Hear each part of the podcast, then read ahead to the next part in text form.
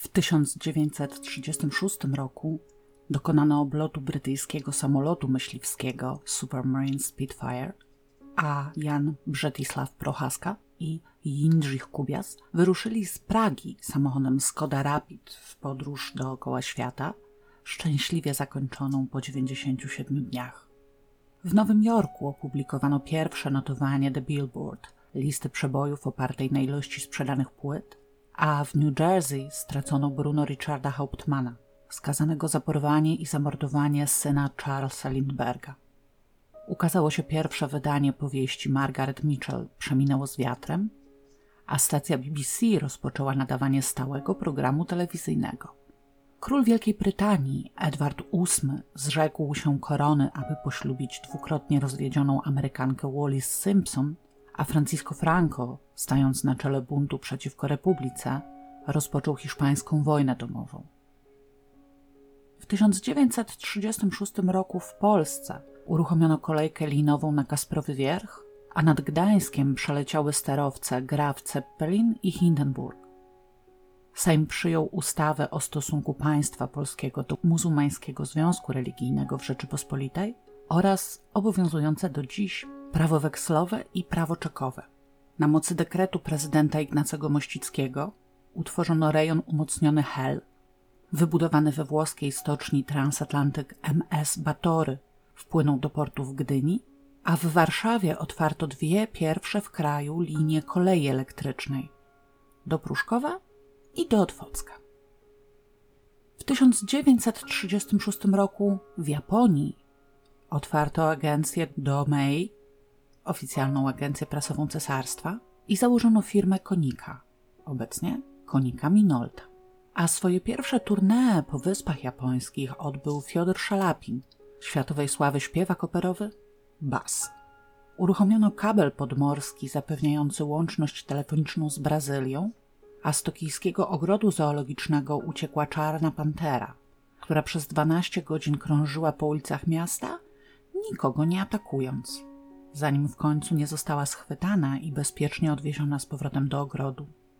Na skutek powodzi w prefekturze Akita doszło do zerwania tamy, w wyniku którego zginęły 374 osoby, a w strukturach Armii Kwantuńskiej utworzono oddział do spraw kwarantanny, który w 1941 roku zostanie przekształcony w niesławną jednostkę 731. Odbyły się pierwsze ogólnojapońskie zawody szybowcowe oraz wyświetlono pierwszą kronikę filmową nagraną w kolorze. Ponieważ w Japonii, podobnie jak na przykład w Korei, wiek liczy się od chwili poczęcia i dziecko przychodząc na świat ma już jeden rok, w 1936 roku Sada Abe miała 32 lata. Za każdym razem, kiedy będę mówić o jej wieku, będę podawać go w rachubie japońskiej, żeby uniknąć zamieszania z datami. Sada przyszła na świat 28 maja 1905 roku w Tokio, w dzielnicy Kanda. Była najmłodsza spośród ośmiorga dzieci Shigeyoshiego i Katsu. Jej ojciec był właścicielem wytwórni mat tatami, Sagamiya, która dobrze sobie radziła na rynku, zapewniając rodzinie Abe dobry status materialny. Wiadomo, że poród Sady był wyjątkowo trudny i cudem urodziła się żywa. Nie zachowały się jednak żadne informacje o komplikacjach, jakich doznała podczas porodu pani Katsu. Po porodzie miała natomiast problemy z laktacją, z powodu których do ukończenia drugiego roku życia Sada musiała być dokarmiana przez mamkę.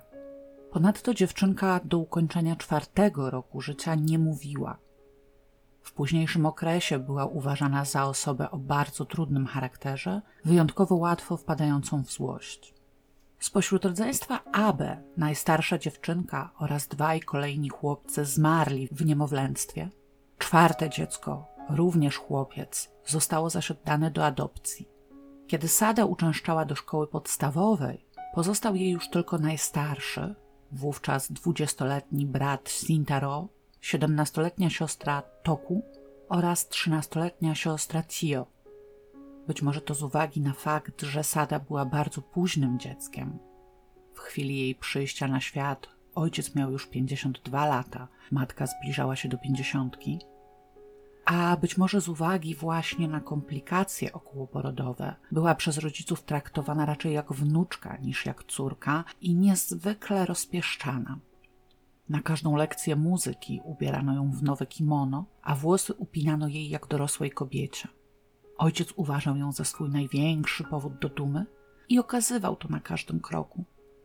Japońskie źródła określają to uroczo. Według nich tata Abe traktował najmłodszą córkę jak kociaka. Swoją przygodę z muzyką Sada rozpoczęła z inicjatywy matki, jeszcze przed rozpoczęciem formalnej edukacji. Uczyła się gry na samisenie, tradycyjnym japońskim instrumencie o trzech strunach i bardzo długim, bezprogowym gryfie, na którym zwykle gra się za pomocą specjalnego kawałka kości słoniowej lub drewna zwanego plektronem. Styl, w jakim Sada grała na samisenie, w początkach XX wieku był niezwykle popularny jako akompaniament w japońskim teatrze lalek bunraku.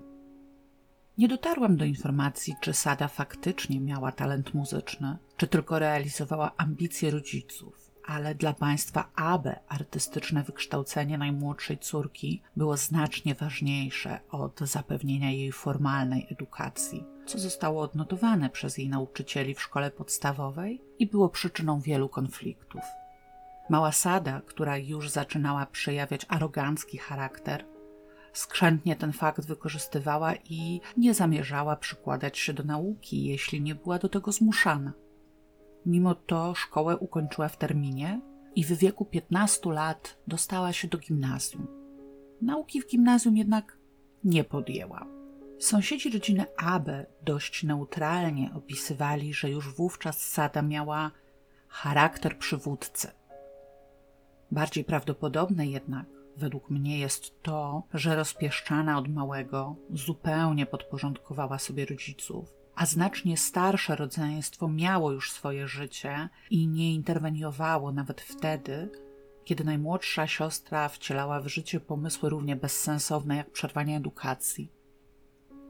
Mniej więcej w czasie, kiedy powinna rozpocząć naukę w gimnazjum, Sada została zwabiona do jednego z domów w okolicy, a następnie zgwałcona przez przebywającego tam studenta. Wróciła do domu i nikomu o tym nie powiedziała. Dopiero kiedy przez kolejne dwa dni nieustająco krwawiła z poranionych dróg rodnych, poszła poradę do matki. Ta, wysłuchawszy całej historii, zdecydowała się natychmiast rozmówić ze sprawcą gwałtu, ale nie zastawszy go, zalała się łzami i szlochając wróciła do swojego domu. Jak się wydaje, Sada nie miała za sobą żadnej edukacji seksualnej, nawet podstawowej wiedzy o menstruacji.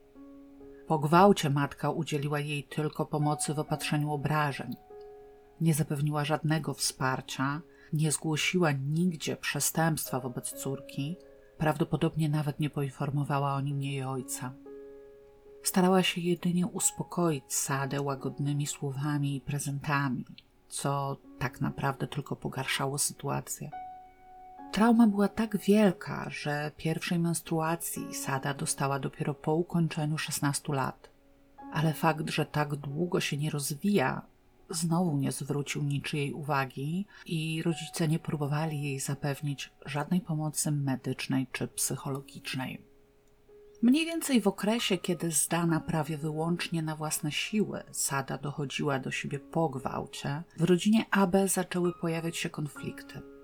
Najstarsza dwójka rodzeństwa, Sintaro i Toku, zaczęła kłócić się o potencjalny spadek po ojcu, a wkrótce ten spór przeniósł się także na prawie wszystkie sprawy życia codziennego.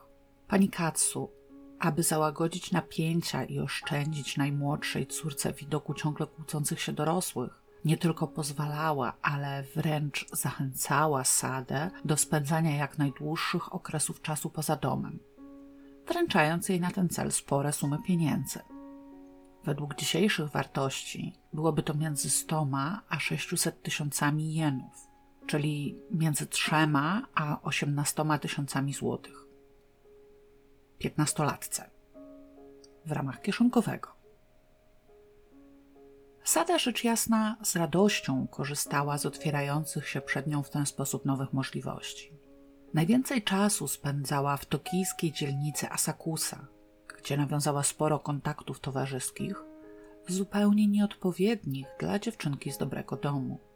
Jak potem wspominała, myślałam, że już nie jestem dziewczyną i ukrywanie tamtej rzeczy, w domyśle gwałtu, sprawiło, że zamartwiałam się, że już nie dam rady wyjść za mąż, nie mogę być panną młodą. Zamartwiałam się, co robić i czułam totalną desperację. Dość szybko Sada stała się znana w Asakusie pod przezwiskiem Kozakura no Cho, motyl na młodej wiśni, i jej sława zaczęła docierać nawet do rodzinnej Kandy. Jej typowy dzień rozpoczynał się zwykle około południa, od wstania z łóżka i zjedzenia śniadania obiadu podanego przez służącą, długiego pobytu w wannie, seansu w modnym kinie Ryounkan w towarzystwie kilkunastu znajomych z Asakusy, po czym przesiadywania do późna w kolejnych barach i powrotu do domu głęboką nocą. I tak codziennie. Pomimo przebywania w towarzystwie nieodpowiednich osób, Sada nie była jeszcze wówczas aktywna seksualnie. Zadowalała się dobrą zabawą, nie dążyła do nawiązywania kontaktów erotycznych. Za to jej ojciec zaczął dążyć do ocalenia honoru rodziny i co jakiś czas robił Sadzie awanturę, bił ją i wyrzucał z domu.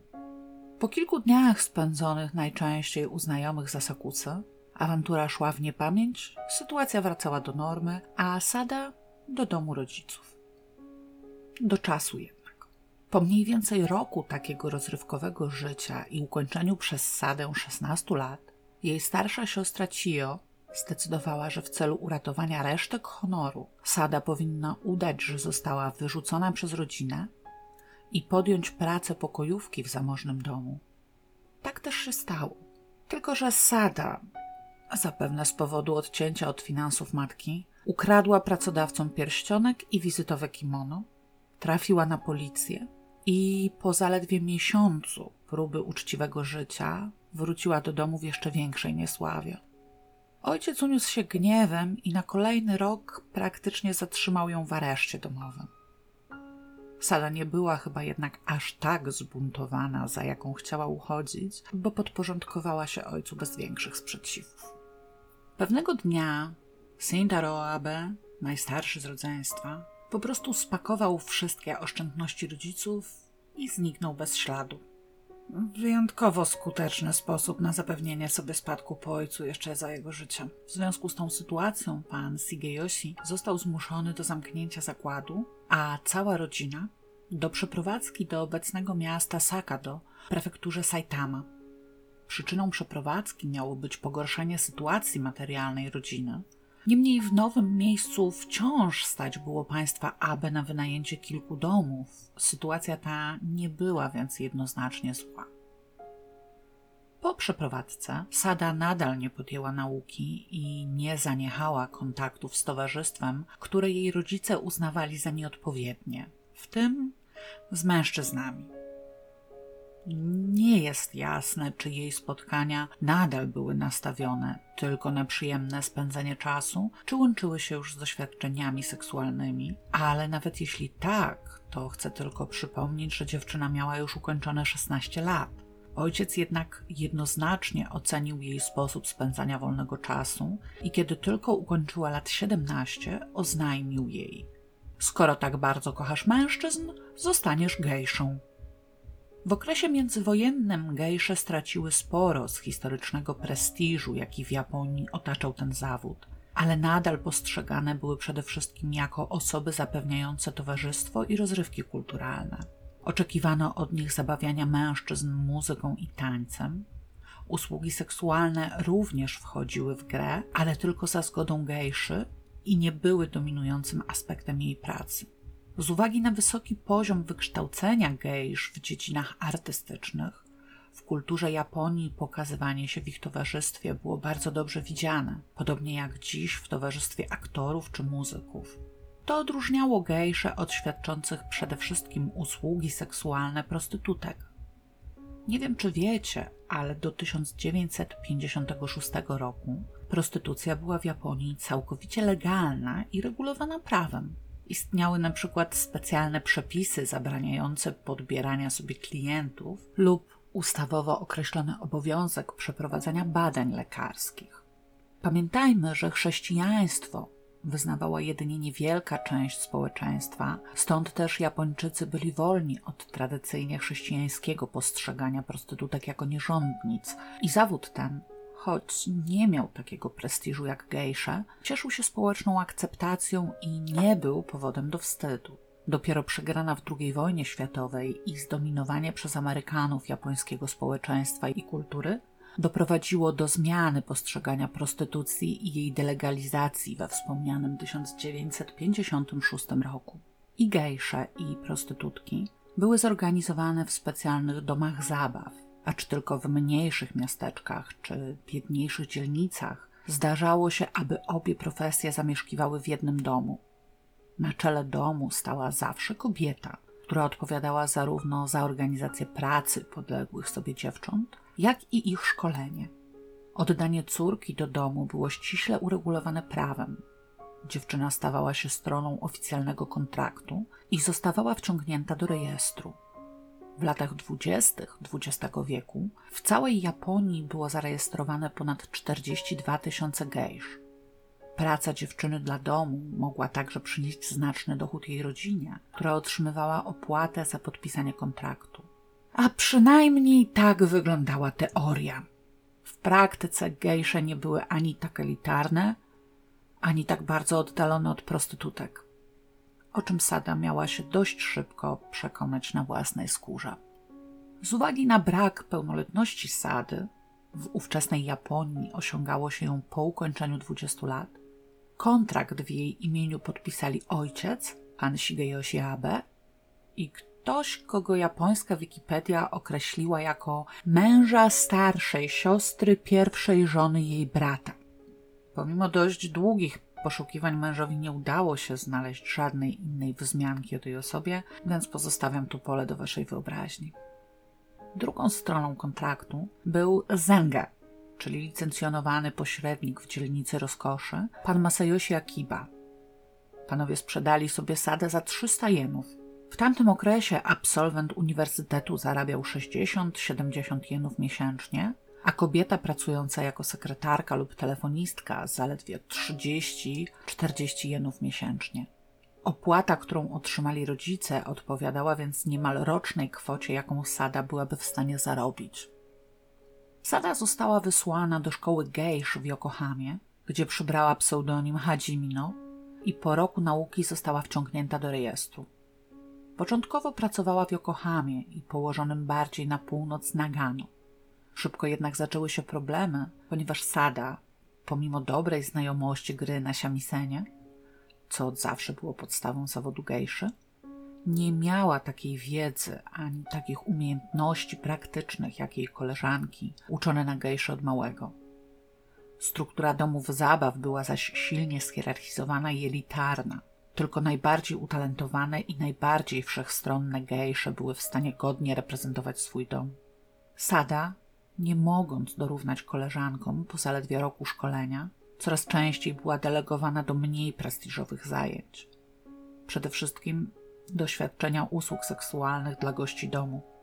Nie lubiła tego i czuła się upokorzona, jednak tylko tak była w stanie zarobić na zakończenie swojego kontraktu. Podstawowa cena, którą klient płacił za towarzystwo gejszy, była przeznaczana na jej utrzymanie w domu i spłatę sumy, którą pośrednik zapłacił rodzicom tylko napiwki przekazywane bezpośrednio gejszy, które zresztą były w dobrym tonie. Pozostawały jej prywatną własnością. Dopiero po spłaceniu całego kontraktu gejsza stawała się wolną osobą i mogła sama decydować o swoim losie. W praktyce najczęściej do czasu spłacenia kontraktu gejsza zyskiwała już pewną sławę i decydowała się na pozostanie w zawodzie lub wychodziła za mąż za ulubionego klienta. Bycie mężem byłej gejszy było i jest zresztą nadal jak najbardziej akceptowalne. W 1923 roku w Tokio miało miejsce olbrzymie trzęsienie ziemi. Traf chciał, że akurat kiedy miasto obracało się w gruzę, Sada zamierzała odwiedzić Akibę, pośrednika, który ją zatrudnił, i kiedy krótko po wstrząsie dotarła do jego domu, zastała całe obejście w płomieniach. Nie jest jasne w jaki sposób. Być może po prostu alarmując odpowiednie służby, ale Sada przyczyniła się do uratowania domu i dobytku Akiby, za co ten zaproponował jej nowy kontrakt na sumę tysiąca jenów w domu zabaw Heinaro, czyli wieża pokoju, w nietkniętym przez trzęsienie ziemi Toyama i uwolnienie spod obowiązującego kontraktu. Nie jest jasne, dlaczego Sada zgodziła się na podpisanie kolejnego kontraktu, skoro miała już wówczas odłożone swoje 300 jenów w gotówce. Być może chciała po prostu zapewnić dużą kwotę swoim rodzicom. Tysiąc jenów było wówczas sumą wystarczającą na wybudowanie luksusowego domu jednorodzinnego. Sada Abe już samodzielnie podpisała nowy kontrakt jako gejsza, a 300 jenów przekazała pod opiekę rodzinie Akiby. Kiedy Sada ukończyła 20 lat, doszła jednak do wniosku, że Akiba ją oszukał. Prawdopodobnie jej wniosek miał coś wspólnego z tym, że w nowym domu nadal była najsłabiej wyszkoloną gejszą i delegowano ją głównie do świadczenia usług seksualnych. Na własną rękę przeniosła się z wyznaczonego sobie domu Heinaro do miasta Iida w prefekturze Nagano i domu Mikawaja, jednak wciąż formalnie pozostawała pod opieką Akiby, który po trzęsieniu ziemi stał się bezrobotny, co dodatkowo osłabiło jej i tak kiepską pozycję w domu. Termin spłaty jej długu upływał dopiero w kolejnym 1925 roku. Pracując w Mikawaja, przybrała pseudonim Shizuka lub Seiko i zaraziła się chorobą weneryczną. Obawiała się, że ojciec znów wyrzuci ją z domu, ponieważ to on był stroną oryginalnego kontraktu z Akibą i będzie wściekły, że z powodu pracy dla Akiby jej stan zdrowia stał się zły. Ojciec jednak pogodnie stwierdził, że woli, aby sprzedawała się nadal, dopóki nie dostanie obowiązkowego dla pracownic seksualnych zaświadczenia o poddaniu się badaniom lekarskim i nieposiadaniu choroby wenerycznej. Sada więc pracowała nadal, a jej ojciec, cóż, miejmy nadzieję, że spał spokojnie. Dopiero kiedy sprawy wzięła w swoje ręce matka Sady, pani Katsu Abe, udało się znaleźć innego pośrednika, który wykupił jej kontrakt od Akiby i przepisał ją do innego rejestru. I wyleczyć ją, niejako przy okazji. Nie był to jednak objaw miłości rodzicielskiej, a jedynie chłodnej kalkulacji. Rodzina Abe uważała, że to pozostawanie pod opieką bezrobotnego bankruta bez przyszłości uniemożliwia Sadzie zdobycie dobrego miejsca w zawodzie. Już przez nowego pośrednika Sada została zatrudniona w domu rozkoszy Goenro, czyli ogród z który zapłacił za nią oszałamiającą kwotę 2800 jenów. Ponownie sygnatariuszem kontraktu, i tu niestety nie wiem dlaczego, był jej ojciec. Sada rozpoczęła nową pracę w 1927 roku. Zauważcie, że oryginalny kontrakt kończył jej się w 1925, więc na wyleczenie się i machinacje prawne straciła 3 lata, podczas kiedy po roku pracy mogła być już wolna. Goenro było co prawda domem wysokiej klasy, ale Sada, tym razem posługując się pseudonimem Sonomaru, ponownie została w zasadzie prostytutką, noszącą jedynie ubrania przypisane gejszom. Po około roku pracy pośród klientów Sady rozeszła się wieść, że chciałaby ona wykupić się z kontraktu. Jego wcześniejsza spłata była oczywiście możliwa, ale w takim wypadku wykupiona gejsza nie mogła pracować w zawodzie do czasu wygaśnięcia pierwotnego terminu ważności umowy. Sada spodobała się jednemu z klientów do tego stopnia, że był on gotów zapłacić za jej wykupienie. Niestety, wśród klientów byli też podwładni owego mężczyzny, którzy zaczęli otwarcie krytykować jego decyzję. Czym innym wydawało się poślubienie dobrze wykształconej byłej gejszy, czym innym opłacenie wolności dla prostytutki, nawet z najlepszego domu zabawy. Zdesperowana Sada postanowiła uciec. Niestety została złapana i w atmosferze skandalu wydalona z pracy w Goenro. Znalazła kolejne miejsca zatrudnienia w Osace, potem w Hyogo, potem w Nagoi. Były to domy coraz gorszej klasy, gdzie już otwarcie była zmuszana do prostytuowania się. W styczniu 1930 trafiła do miasta Sasayama w prefekturze Hyogo, do domu rozkoszy Taishoro, gdzie pod pseudonimem Okaru zajmowała się najbiedniejszymi klientami, często będąc zmuszaną do stania na mrozie i zaciągania ich do środka. Jak mówiła potem, był to najgorszy okres jej życia. Po około pół roku uciekła, zrywając z pracą w zorganizowanym przemyśle seksualnym. Przeniosła się do Kobe, gdzie przez dwa miesiące była kelnerką w restauracji, a potem do Osaki, gdzie pracowała jako pokojówka w tradycyjnych japońskich hotelach. Okresowo pomiędzy kolejnymi hotelami zostawała utrzymanką lub ponownie się prostytuowała, ale już na własną rękę i na własnych warunkach. Pomimo świadomości, że ciąży na niej obowiązek spłaty długu wobec pośrednika i najprawdopodobniej jest już przez niego ścigana, był to dla Sady okres względnie spokojny. Po raz pierwszy od wielu lat nie musiała codziennie uprawiać seksu, co wprawiło ją w dziwny stan psychiczny. Zgłosiła się po poradę do lekarza, który rzekomo miał jej powiedzieć: z mojej lektury książek o doskonaleniu psychicznym i filozofii wynika, że powinna pani znaleźć męża. Jak łatwo się domyśleć, Sada z porady nie zamierzała korzystać. Po kilku miesiącach spędzonych w Osace wybrała się do rodziny w mieście Sakado, ale tam dowiedziała się, że ludzie związani z domem zabawy Taishiro, z którego uciekła, rozpytywali już o nią i poinformowali jej rodziców, że musi spłacić swój dług, więc pospiesznie wróciła do Osaki, starając się zatrzeć za sobą ślady. Tam w styczniu 1933 roku otrzymała telegram z informacją o śmierci matki Katsuabe. Dokładnie w nowy rok 1934 otrzymała kolejną wiadomość z domu, tym razem o ciężkiej chorobie ojca. Natychmiast udała się do Sakado i zdążyła jeszcze spędzić z ojcem około 10 dni, opiekując się nim z wielkim oddaniem.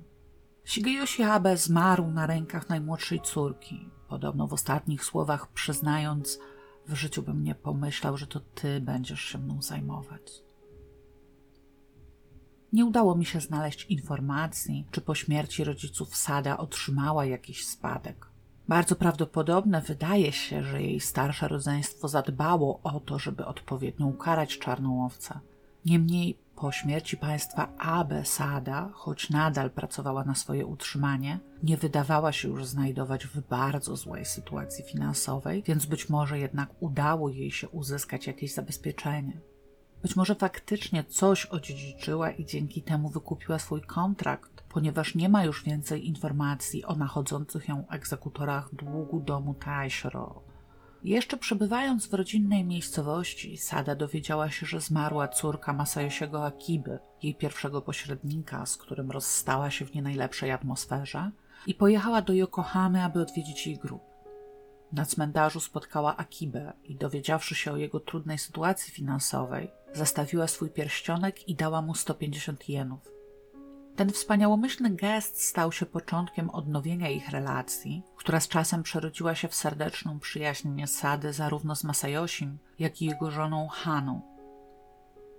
Nie jest jasne, czy po śmierci ojca Sada wróciła do Osaki, czy pozostała w rodzinnej miejscowości. W każdym razie w ciągu roku nawiązała relacje z kilkoma mężczyznami, utrzymując kontakty seksualne z więcej niż jednym partnerem w tym samym czasie.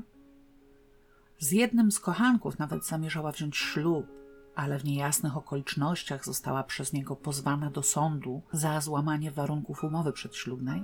Być może w umowie tej mężczyzna zastrzegł sobie wierność narzeczonej i ponownie uciekła, tym razem do Nagoi. Tam, pracując jako kelnerka w restauracji Kotobuki, w 1935 roku poznała Goro Omiye, profesora lokalnej szkoły handlowej i radnego miejskiego. Z tak wysoko postawionym, wykształconym i szarmanckim mężczyzną nie miała dotąd do czynienia, a mimo to wkrótce została jego kochanką. Omija stanowczo krytykował dotychczasowy sposób życia Sady, uważał, że stać ją na znacznie więcej, namawiał do serwania z okazjonalną prostytucją i wejścia na drogę uczciwej, ciężko pracującej obywatelki. Sata zaangażowała się w tą relację, ale wiedząc, że jeśli romans wyjdzie na jaw, straci pracę w restauracji, której Oomiya był stałym klientem, wyjechała do Tokio. Oomiya odszukał ją tam, pomógł dostać pracę w restauracji w Shinjuku, jednej z reprezentacyjnych dzielnic Tokio, a wcześniej opłacił jej dość długi pobyt w uzdrowisku, aby mogła do końca uporać się ze skutkami przebytej kilka lat wcześniej choroby wenerycznej. Najwyraźniej i on zaangażował się w znajomość z Sadą Abe i wiązał z jej osobą jakieś plany na przyszłość. Niestety.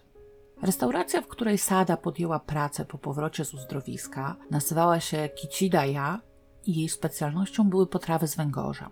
Sada zatrudniła się pod nazwiskiem Kajo Tanaka i znów niezwykle szybko pomiędzy nią a właścicielem restauracji Kichizo Ishidą wybuchł romans.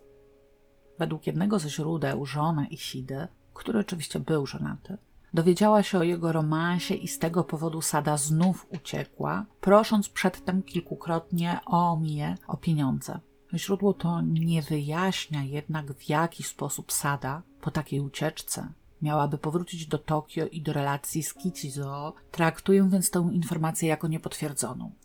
Potwierdzone natomiast zostało, że po kilku spotkaniach kochankowie zdecydowali się utrzymywać swój związek w ukryciu. Spotykali się przez jakiś czas na potajemnych schadzkach, tak zwanych maciaj, aż w końcu postanowili zatrzymać się na kilka dni w zajeździe Mansaki w tokijskiej dzielnicy Jogumaci, gdzie oddali się niczym nieskrępowanym rozrywkom seksualnym.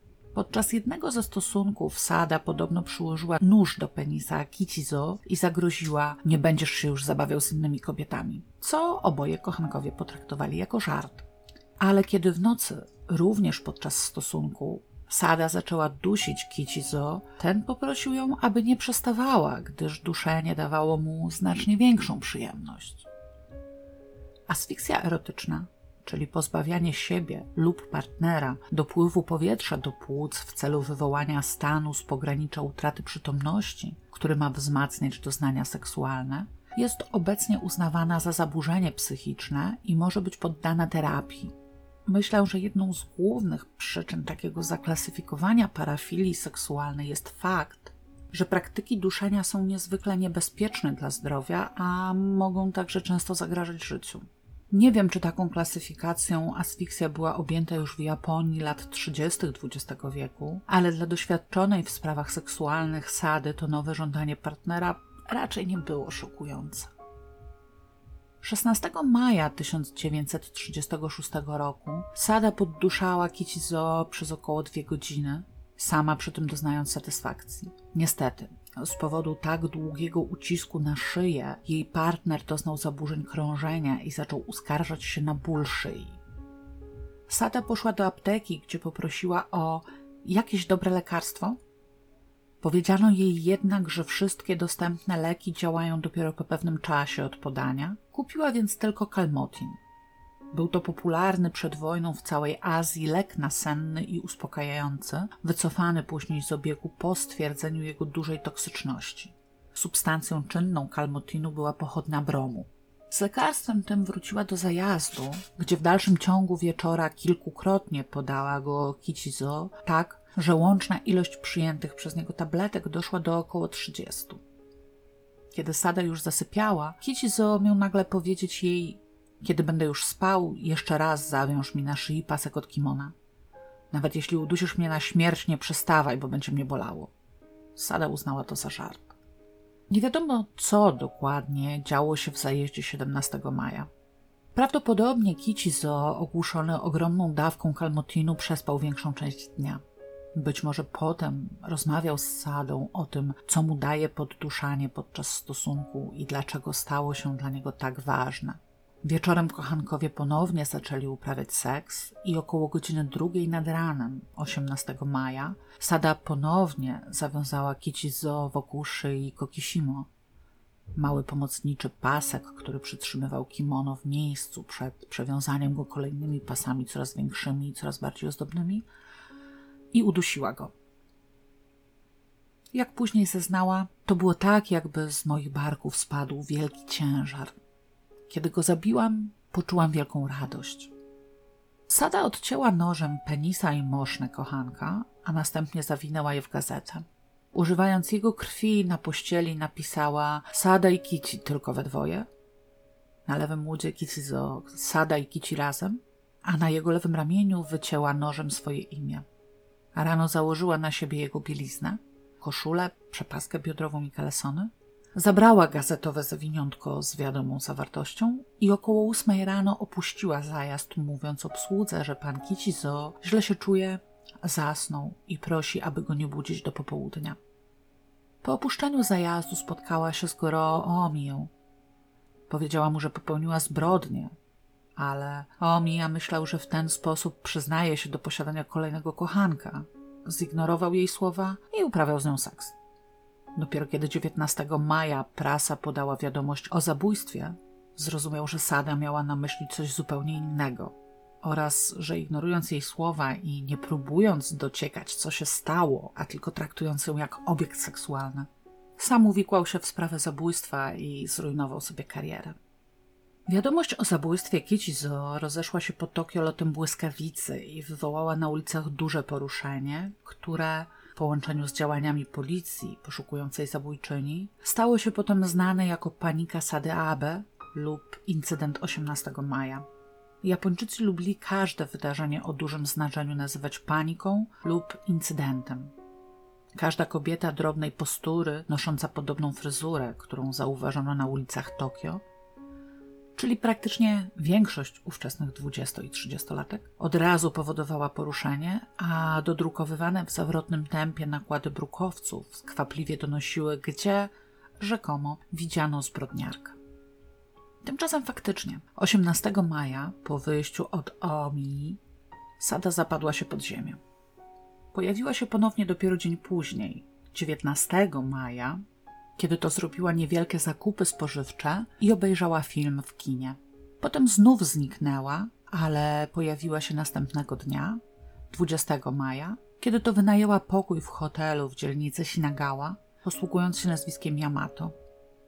Potem poszła do masażysty, wypiła trzy piwa, a następnie wróciła do swojego pokoju, gdzie napisała listy pożegnalne do Omi, żony Kichizo i nieustalonego przyjaciela. Nie wiem, czy wspomniała o tym w listach, czy ustalono to w śledztwie, ale następnego dnia zamierzała wyjechać do Osaki i tam ukryć się, korzystając ze swoich kontaktów z okresu pracy w domach rozkoszy. Tymczasem o godzinie 16 do hotelu Sinagawa zgłosił się, rozpytując osadę Abe, detektyw Ando z posterunku policji w dzielnicy Takanawa. Gdy obsługa wskazała mu pokój odpowiadającej rysopisowi poszukiwanej pani Yamato, niezwłocznie, choć uprzejmie, zapukał do niego. Gdy wszedł i okazał odznakę, jeszcze zanim cokolwiek powiedział, pani Yamato zapytała – Szukacie Sadeabe? To ja jestem tą, której szukacie. Jej całkowity spokój, a nawet pewna rezygnacja podczas zatrzymania ogromnie zdziwiły zarówno Ando, jak i kolejnych policjantów, którzy na jego wezwanie przybyli, aby przewieźć zatrzymaną do aresztu. Jeszcze bardziej zdziwili się jednak pracownicy aresztu, kiedy dokonując rewizji zatrzymanej, odkryli zawiniątko z przemokniętej krwią gazety, z penisem i moszną Kicizo, które cały czas nosiła przy sobie. W pierwszych wyjaśnieniach Sada powiedziała: Kochałam Isidę ponad wszystko. Pożądałam w nim wszystkiego. Nie byliśmy jednak małżeństwem i Isida mógł dalej sypiać z innymi kobietami. Pomyślałam, że jeśli go zabiję, już nigdy więcej nie dotknie go żadna inna. Więc to zrobiłam. Zapytana, dlaczego odcięła i siedzi na rządy płciowe, odrzekła: Chciałam być jednym z jego myślami i ciałem. Wzięłam je, żeby zawsze mieć go przy sobie. Sada była przesłuchiwana już w budynku więzienia Ichigaja, nie na komisariacie, prawdopodobnie, żeby zmniejszyć niezdrowe zainteresowanie jej osobą wśród Tokijczyków. Oprócz członka i moszny Kichizo, zabezpieczonych przy niej w areszcie, Odkryto także, że ma na sobie poplamione krwią jego koszulę, przepaskę i kalesony, których wcześniej bezskutecznie poszukiwano przy zwłokach. Gdy poproszono ją, aby rozebrała się i oddała te części garderoby, które mogły być dowodami rzeczowymi, krzyknęła: One nadal mają na sobie zapach mojego ukochanego Kicisana, nigdy ich nie oddam. I wpadła w histerię. Musiano rozebrać ją siłą. Pomimo tego, że protokoły przesłuchań Sady zostały utajnione, ktoś jednak wyniósł je poza mury więzienia Ichigaja i dał oczekującemu pod budynkiem tłumowi ciekawskich. Dziesiątki rąk momentalnie rozmazały je, czyniąc praktycznie nieczytelnymi, jednak ktoś zapamiętał z ich treści na tyle dużo, że przekazał sensacyjne szczegóły gazetom. Prasa momentalnie zaczęła snuć teorię, że członek Kichizo odznaczał się jakimiś szczególnymi rozmiarami. Sada zaprzeczyła temu, wyjaśniając. Miał całkiem zwyczajnego.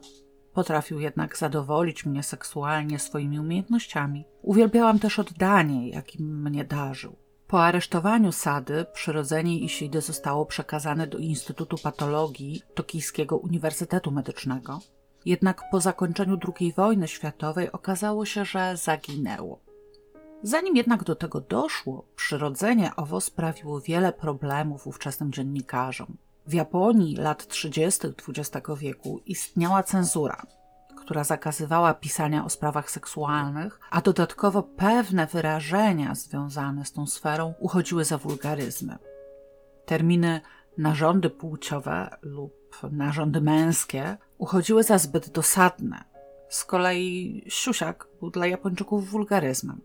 Brukowce nie mogły jednak pominąć tak sensacyjnego tematu, więc po wielu wysiłkach intelektualnych połączonych sił kilku redakcji zdecydowano się na określenia dolna część ud lub rzeczone miejsce. Po sprawie Sady Abe oba określenia na dłużej zagościły w oficjalnej terminologii japońskiej prasy. Gazety stosunkowo szybko dotarły do Shintaro Abe, najstarszego żyjącego brata Sady który prowadził swoją własną wytwórnię Tatami w mieście Yokohama. Zapytany o siostrę, miał powiedzieć: Jak dla mnie może się nawet zabić, wszystko mi jedno. Ciekawa jestem, czy do wszystkich sióstr miał tak jednoznaczny stosunek, czy tylko do Sady. Sada Abe niedługo po aresztowaniu wynajęła adwokata, który zaczął przekazywać prasie szczegóły dotyczące zabójstwa Kichizo oraz tego, co działo się z Sadą od momentu aresztowania. Kiedy dowiedziała się o tym, zwolniła go i jej kolejnym adwokatem został Kintaro Takeuchi. Nie dotarłam do informacji, czy również go wynajęła, czy został jej przydzielony z urzędu. W każdym razie, w odróżnieniu od poprzednika, przede wszystkim skupił się na obronie klientki. Proces Sady rozpoczął się 24 listopada 1936 roku. Rozprawa miała być publiczna, nie wyłączono jej jawności, więc ilość chętnych, żeby uczestniczyć w niej w charakterze publiczności była tak wielka, że zdarzyły się przypadki śmiertelnego zadeptania przez tłum. Na kolejnych terminach wprowadzono już losowanie biletów wstępu na salę rozpraw wśród oczekujących. Wobec przyznania się Sady i złożenia przez nią szczerych i obszernych wyjaśnień, jedynym wyjściem, jakie pozostało mecenasowi Takeuchi, było udowodnienie jej niepoczytalności. W tym celu Sadę poddano japońskiemu odpowiednikowi obserwacji sądowo-psychiatrycznej. Lekarze zdiagnozowali u niej osobowość histeryczną z elementami sadyzmu i fetyszyzmu.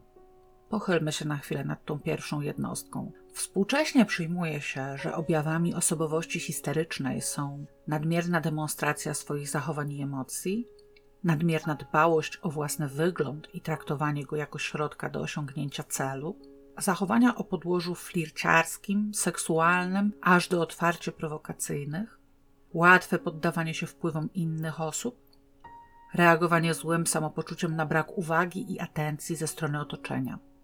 Przyczyną tego zaburzenia może być na przykład brak krytycyzmu ze strony rodziców i traktowanie dziecka jako przysłowiowego ósmego cudu świata. Przyznacie, że te objawy i ich przyczyna doskonale pasują do znanych szczegółów z dzieciństwa Sady, prawda? W ostatecznej opinii Sada Abe została uznana za chorą psychicznie, a zabójstwo Kichizo Ishidy za popełnione pod wpływem tej choroby. Została skazana na 6 lat więzienia, do których zaliczone miało być już odbyte 120 dni tymczasowego aresztu. O ile mi wiadomo, żadna ze stron nie odwoływała się od tego wyroku. Bezpośrednio po jego ogłoszeniu Sadę przewieziono w celu odbycia zasądzonej kary do zakładu karnego w Tocidzi. Z uwagi na olbrzymią sensację, jaką wywołała jej sprawa, odstąpiono od powszechnie przyjętego w Japonii konwoju pociągiem pasażerskim i do jej przewiezienia użyto samochodu, co do tej pory było zarezerwowane dla wyjątkowo groźnych sprawców. Kichizo Ishida został pochowany w świątyni Senkoji w tokijskiej dzielnicy Minato. Jego grób jednak jest nieoznaczony, ponieważ zmarł jako Muenbotoka, czyli osoba, której grobem nie ma się kto zaopiekować. Restaurację z daniami z węgorza przez pewien czas prowadziła jego żona, ale w związku z ograniczeniami w sprzedaży alkoholu po wybuchu II wojny światowej oraz śmiercią szefa kuchni na froncie, zbankrutowała. Goro Omiya, który polecił Sadę do pracy u Kichizo, a potem wykorzystał seksualnie, kiedy chciała mu się przyznać do zabójstwa, został zatrzymany jako podejrzany o współudział. Ale choć dość szybko oczyszczono go z podejrzeń, sam fakt utrzymywania relacji z zabójczynią był wystarczający dla pogrzebania jego kariery politycznej i akademickiej. Wycofał się z jakiejkolwiek aktywności i aż do śmierci żył w ukryciu. Początkowo Sada miała duże trudności z odnalezieniem się w codzienności zakładu karnego.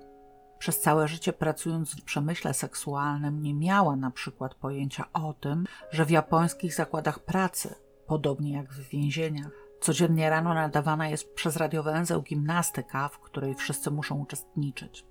Nie była przyzwyczajona do wstawania rano ani do regularnych posiłków. Mimo to szybko pokonała trudności i stała się modelowym przykładem więźniarki, wykonując swoją pracę znacznie wydajniej niż pozostałe osadzone. Swoją drogą, zwyczaj nadawania porannej gimnastyki dla całego zakładu pracy utrzymał się w Japonii do dziś i miliony Japończyków są zmuszone do jego kultywowania. W miarę zbliżania się pierwszej rocznicy śmierci Isidy, Sada czuła się coraz gorzej każdej wolnej chwili kładła się na łóżku i płakała, potem przestała wychodzić do pracy, a pielęgniarze, próbując ją do tego zmusić, w atakach szału oblewała zimną wodą. Uznano, że przechodzi załamanie nerwowe i pozwolono na dostęp do niej pracującemu w więzieniu mnichowi buddyjskiemu. Jego wpływ na Sadę był bardzo dobry. Zainteresował ją filozofią i naukami buddyjskiej sekty Nichirena, Wkrótce jej stan poprawił się na tyle, że pod koniec maja wróciła do normalnego funkcjonowania. Podobne stany już się u niej nie powtórzyły, a przynajmniej nie z taką intensywnością, aby władze zakładu karnego je odnotowywały.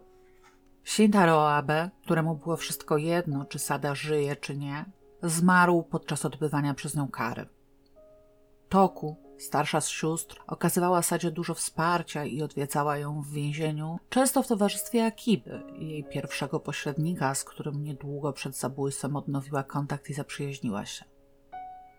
Poza wizytami najbliższych przez cały okres odbywania kary Sada otrzymywała też listy od nieznajomych zafascynowanych jej osobą. W sumie, według władz zakładu, około 10 tysięcy. Sada Abe została zwolniona z więzienia na mocy amnestii z okazji 2600-lecia państwa japońskiego w 1941 roku, a więc po odbyciu nieco ponad czterech z zasądzonych sześciu lat kary. Przed zwolnieniem powiedziała, że obawia się niezdrowej ciekawości opinii publicznej i że czuje się strasznie ze świadomością, że nazywa się ją zboczeńcem i potworem. Bezpośrednio po zwolnieniu zamieszkała u siostry Toku, ale dość szybko przeniosła się do Masayosiego Akiby, swojego pierwszego pośrednika, a obecnie przyjaciela, i zamieszkała z nim i jego żoną. Państwo Akiba serdecznie zaopiekowali się Sadą, a ona zwracała się do nich mamo i tato. W 1943 roku, pracując jako kelnerka pod nazwiskiem Yoshiko Kishii, poznała pewnego pracownika dużej korporacji, z którym zaczęła się spotykać, a potem związała się. Zamieszkali w Janaka, dzielnicy Tokio, i choć nie wzięli ślubu, to oficjalnie zarejestrowali swój związek, co dawało im konkretne prawa jako parze. W Japonii taka instytucja rejestrowanego związku partnerskiego nazywa się Jijitsukon i istnieje do dziś.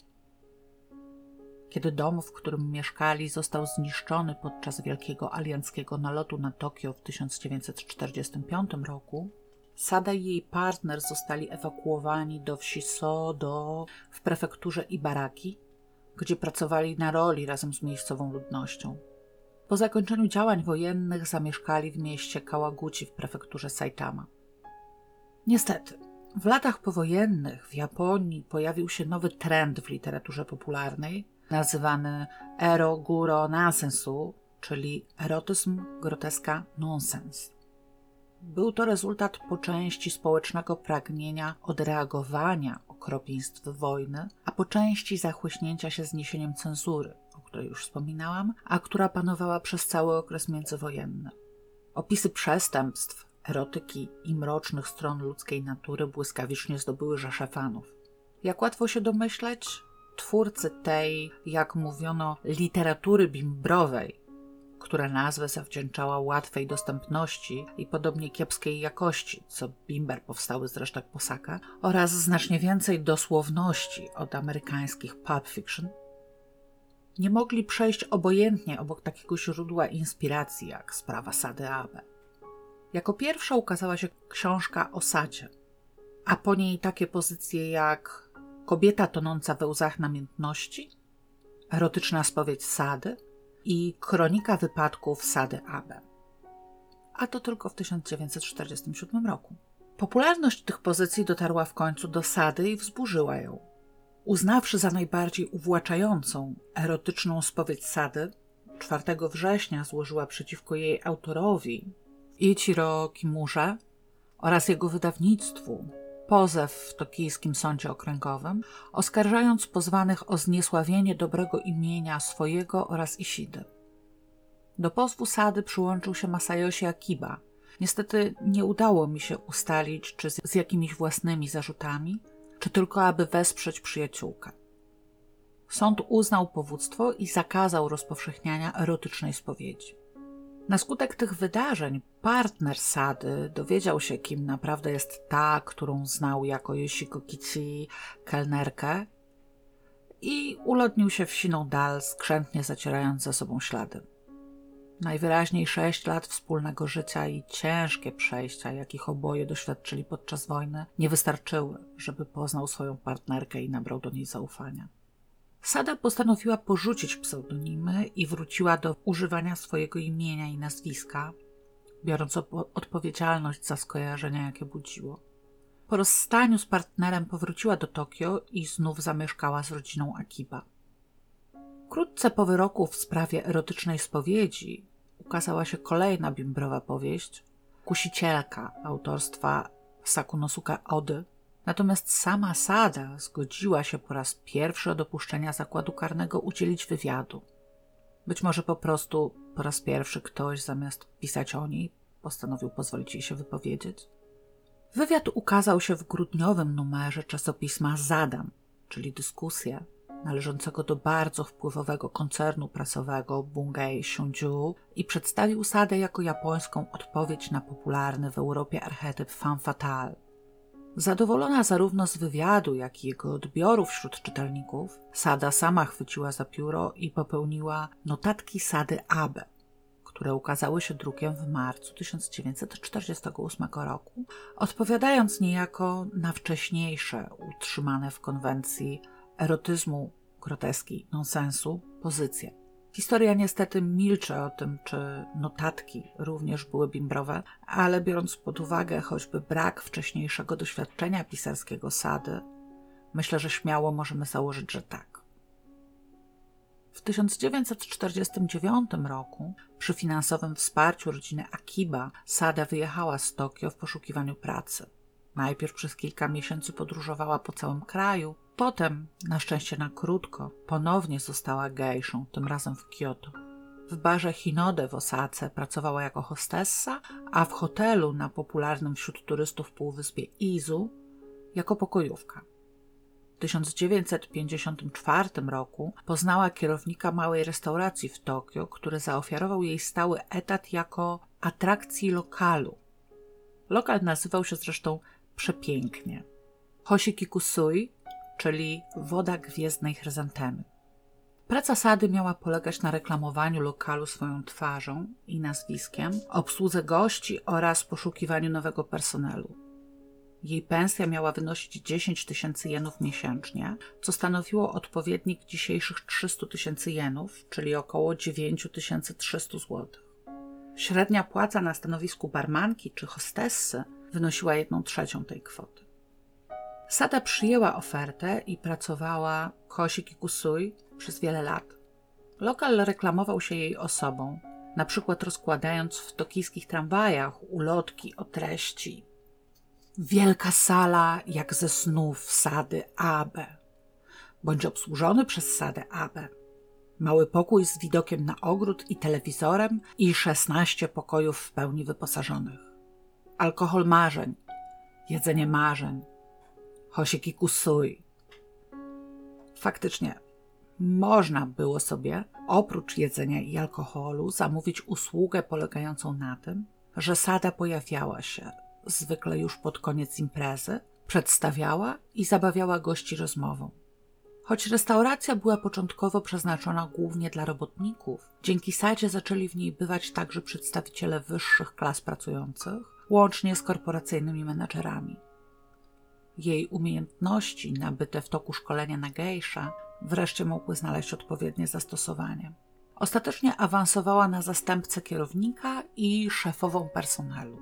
Gdzieś pomiędzy rokiem 1958, kiedy to wypromowała Hoshiki Kusui na jedną z najpopularniejszych restauracji w dzielnicy, a 1967, kiedy to, mając 62 lata, wyprowadziła się w końcu od rodziny Akiba, Sada postanowiła spróbować swoich sił jako przedsiębiorczyni i w dzielnicy Ueno otworzyła pierwszy własny bar, który nazwała Queen. Prowadziła go przez krótki czas, ponieważ została okradziona przez jednego z pracowników, co zmusiło ją do zamknięcia baru wobec braku środków na jego dalsze funkcjonowanie.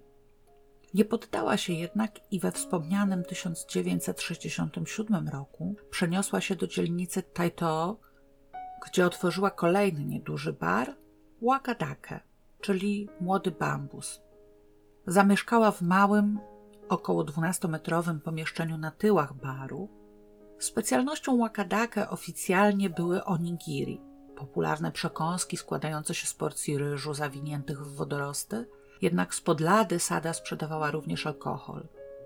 W lokalu często odbywały się koncerty tradycyjnej muzyki japońskiej wykonywanej na ulubionym instrumencie Sady shamisen. Nie dotarłam do informacji, czy zdarzało jej się samej grywać dla gości, ale lubię myśleć, że tak. Wakadaka szybko stało się popularne wśród artystów, zapaśników sumo, polityków, a nawet prawników pamiętających sprawę Sady lub bezpośrednio w nią zaangażowanych.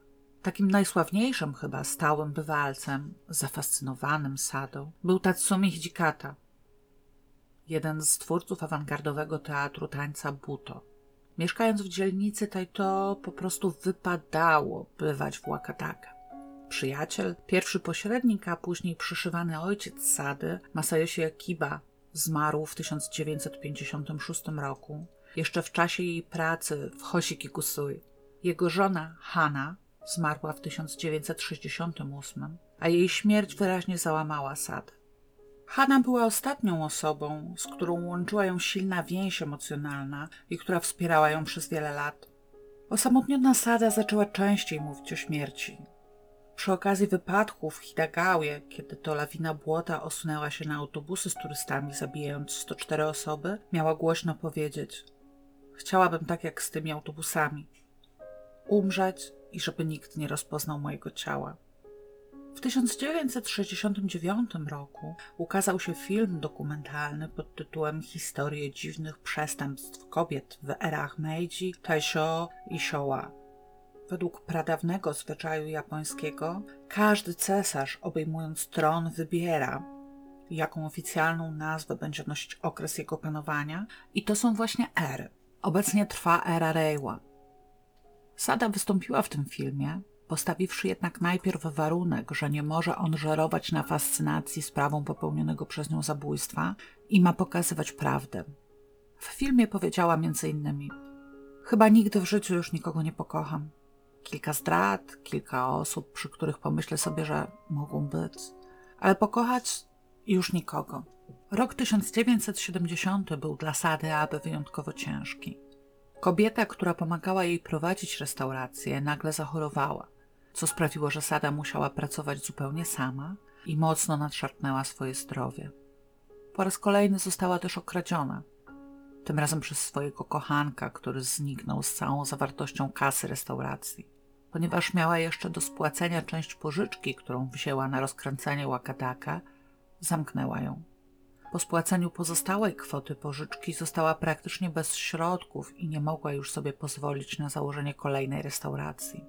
Wyjechała do Kansai, w regionie Kyoto z zamiarem popełnienia samobójstwa, ale spotkała znajomą gejszę, która odwiodła ją od tego pomysłu i namówiła na powrót do Tokio. Tam, w styczniu 1971 roku, przypadkowo spotkała na ulicy znajomego, który niegdyś załatwił jej pracę w Hoshikikusui. Ponownie dzięki jego pomocy znalazła pracę, tym razem w hotelu w miejscowości Kionan w prefekturze Chiba.